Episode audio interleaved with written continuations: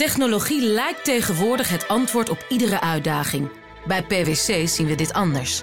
Als we de potentie van technologie willen benutten, kunnen we niet zonder een menselijk perspectief. Human-led, tech-powered noemen we dat. Ga naar pwc.nl.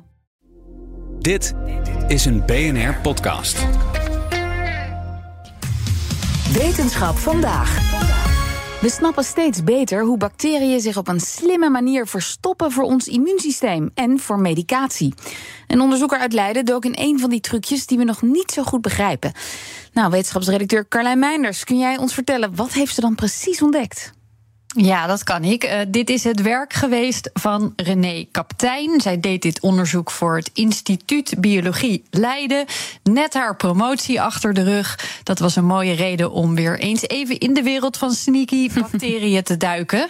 Uh, sommige zijn dus goed in zichzelf onzichtbaar maken, om het zo maar even te zeggen.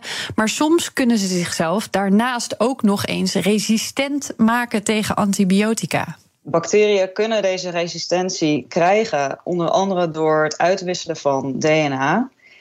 En wij begrijpen eigenlijk nog niet helemaal goed hoe deze uitwisseling gebeurt. Oké, het uitwisselen van DNA onderling door bacteriën. Maar dat die uitwisseling er was, dat wisten we dus wel. Ja, ja, dat wisten we wel. Maar het is minstens even belangrijk om te weten hoe ze dat dan doen. Uh, voor dit onderzoek hebben ze naar een bacteriesoort gekeken. waarvan ze dus in eerste instantie wilden weten: kan deze bacterie dit ook? En kunnen we dan beter gaan kijken hoe dat gebeurt? En het gaat om een bacterie die van vorm kan veranderen.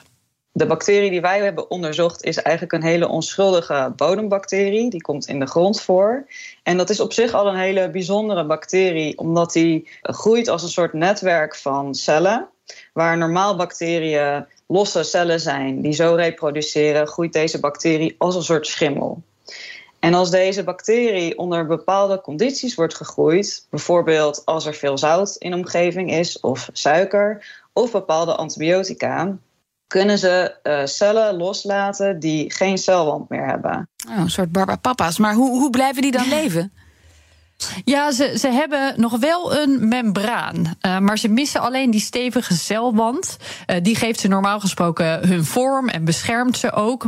Maar ze kunnen dus zonder leven. En dan hebben ze ineens allemaal andere eigenschappen. Om dat te bestuderen gebruikten ze in dit onderzoek een geavanceerd soort fluorescentiemicroscoop. Want die bacteriën zijn een miljoenste meter groot. Dus hmm. die moet je eerst vergroten om ze te kunnen zien. En door ze te labelen met van die kleurtjes, fluorkleurtjes kun je bestuderen wat er in die cel gebeurt. Toen ze aan de mix ook nog losse gelabelde DNA-deeltjes toevoegden, zagen ze het gebeuren. De bacterie zonder celwand nam dat DNA in zich op. En hoe ziet dat er dan uit? Ja, eigenlijk de, de buitenkant van dat membraan buigt dan een beetje naar binnen, steeds iets verder naar binnen, vormt daar een soort bubbeltje. Ik moest een beetje denken aan lavalampen. Ik weet niet of je dat voor je kunt zien.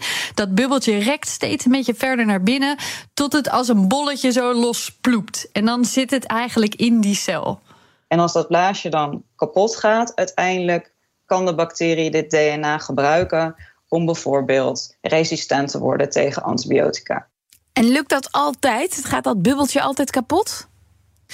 Dat is een hele goede vraag. Waarschijnlijk gebeurt dat uh, niet altijd. Um, maar dat is nou ook net iets wat ze nog niet helemaal begrijpen. Hoe dat ontsnappen van dat materiaal uit zo'n bubbeltje eigenlijk gebeurt. Uh, wij hebben in ons lichaam ook een soort vergelijkbaar opnameproces. Uh, onze cellen kunnen dit ook, dat wisten we al. Uh, dierencellen, plantencellen, die kunnen dat ook allemaal. Bij ons zelf speelt dat bijvoorbeeld een rol bij de opname van medicatie. Mm -hmm. Maar dit onderzoek was eigenlijk een van de eerste keren dat het bij bacteriën op deze manier is aangetoond. Ah, maar kunnen we die kennis dan nu ook tegen ze gebruiken, tegen die bacteriën? Ja, nou, dit, dit waren voor ons ongevaarlijke bacteriën. Maar ziekmakende bacteriën kunnen het ook. Uh, het niet hebben van zo'n celwand zou in dat geval zorgen dat ons lichaam die bacteriën niet herkent. of antibiotica niet kan vinden, zeg maar. De cellen niet kan vinden. En kunnen ze dan ook nog eens dat DNA opnemen en doorgeven. dan zijn ze daarnaast ook nog eens ja. resistent. Dus dan zijn ze dubbel zo gevaarlijk. als blijkt dat ze dat inderdaad in ons lichaam ook op deze manier doen. Er zijn dus nog zat vragen, waaronder deze. Kunnen bacteriën veranderen naar een celwandloze staat om zo de antibiotica-kuur te overleven. En als de antibiotica-kuur dan klaar is, kunnen ze hun celwand weer teruggroeien om opnieuw de patiënt te infecteren. Ja, nou dat zou wat zijn. En, en waarom kan zo'n bodembacterie dit trucje eigenlijk überhaupt? Want ja, die zit niet in ons lichaam. Ja, dat is ook nog een beetje de vraag. Mogelijk is het een trucje dat ze al miljarden jaren gebruiken. Is eigenlijk sinds het vroege ontstaan van organismen. Toen ze nog geen geavanceerder opnamesysteem hadden. Uh, wat ze er nu nog aan hebben, moet nog een beetje uitgezocht worden eigenlijk. Maar je kunt je wel voorstellen, je vindt ook vaak meerdere soorten bacteriën bij elkaar. Bijvoorbeeld in een afvalwaterzuiveringsinstallatie als je weet welke er allemaal DNA kunnen opnemen en doorgeven en hoe ze dat precies doen, dan kun je ook beter gaan voorspellen hoe ziektes zich verspreiden, hoe resistentie kan ontstaan. Dus uh, wat dat betreft zijn ook die bodembacteriën onderdeel van dat hm. veel grotere gezondheidsplaatje. Ja, nou ja, het laatste woord is daar nog niet over gezegd dus. Nee, en het laatste onderzoek is ook nog niet gedaan nee. hiernaar. Dankjewel, Carlijn Meinders. Technologie lijkt tegenwoordig het antwoord op iedere uitdaging. Bij PwC zien we dit anders. Als we de potentie van technologie willen benutten, kunnen we niet zonder een menselijk perspectief. Human-led, tech-powered noemen we dat. Ga naar pwc.nl.